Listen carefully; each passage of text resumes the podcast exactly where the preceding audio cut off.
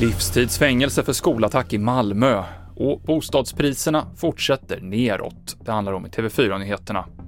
Och vi börjar med skolattacken på Malmö Latin i mars. Den 18-åriga elev som erkänt att han mördat två lärare dömdes idag till livstids fängelse av tingsrätten. Vi börjar med skolattacken på Malmö Latin i mars. Den 18-åriga elev som mördade två lärare på skolan döms till livstids fängelse av tingsrätten. Han är den första tonåring som får livstid efter att ungdomsrabatten togs bort vid årsskiftet.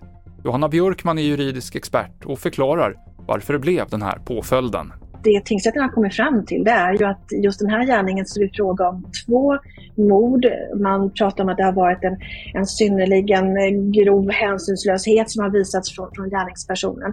Och då utgår jag från också att tingsrätten har tänkt att det här är nog precis det som lagstiftaren har just eh, försökt att, att, peka på, att det här ska vara livstidsstraff när det är de allvarligaste brotten som unga begår. Det sa Johanna Björkman och 18-åringen ska betala sammanlagt en miljon kronor i skadestånd till offrens anhöriga.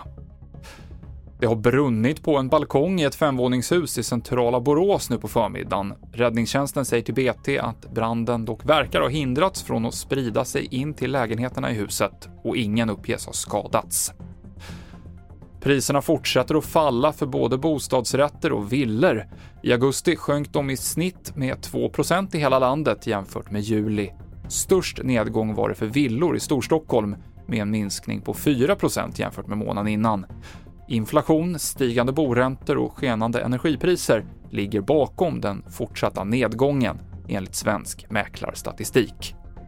Och det är nu tre dagar kvar till valet och ikväll är det dags för partiledardebatt i TV4 inför 3000 åskådare i Eskilstuna. Klockan 20 börjar sändningen i TV4 och du kan också följa den på TV4 Play.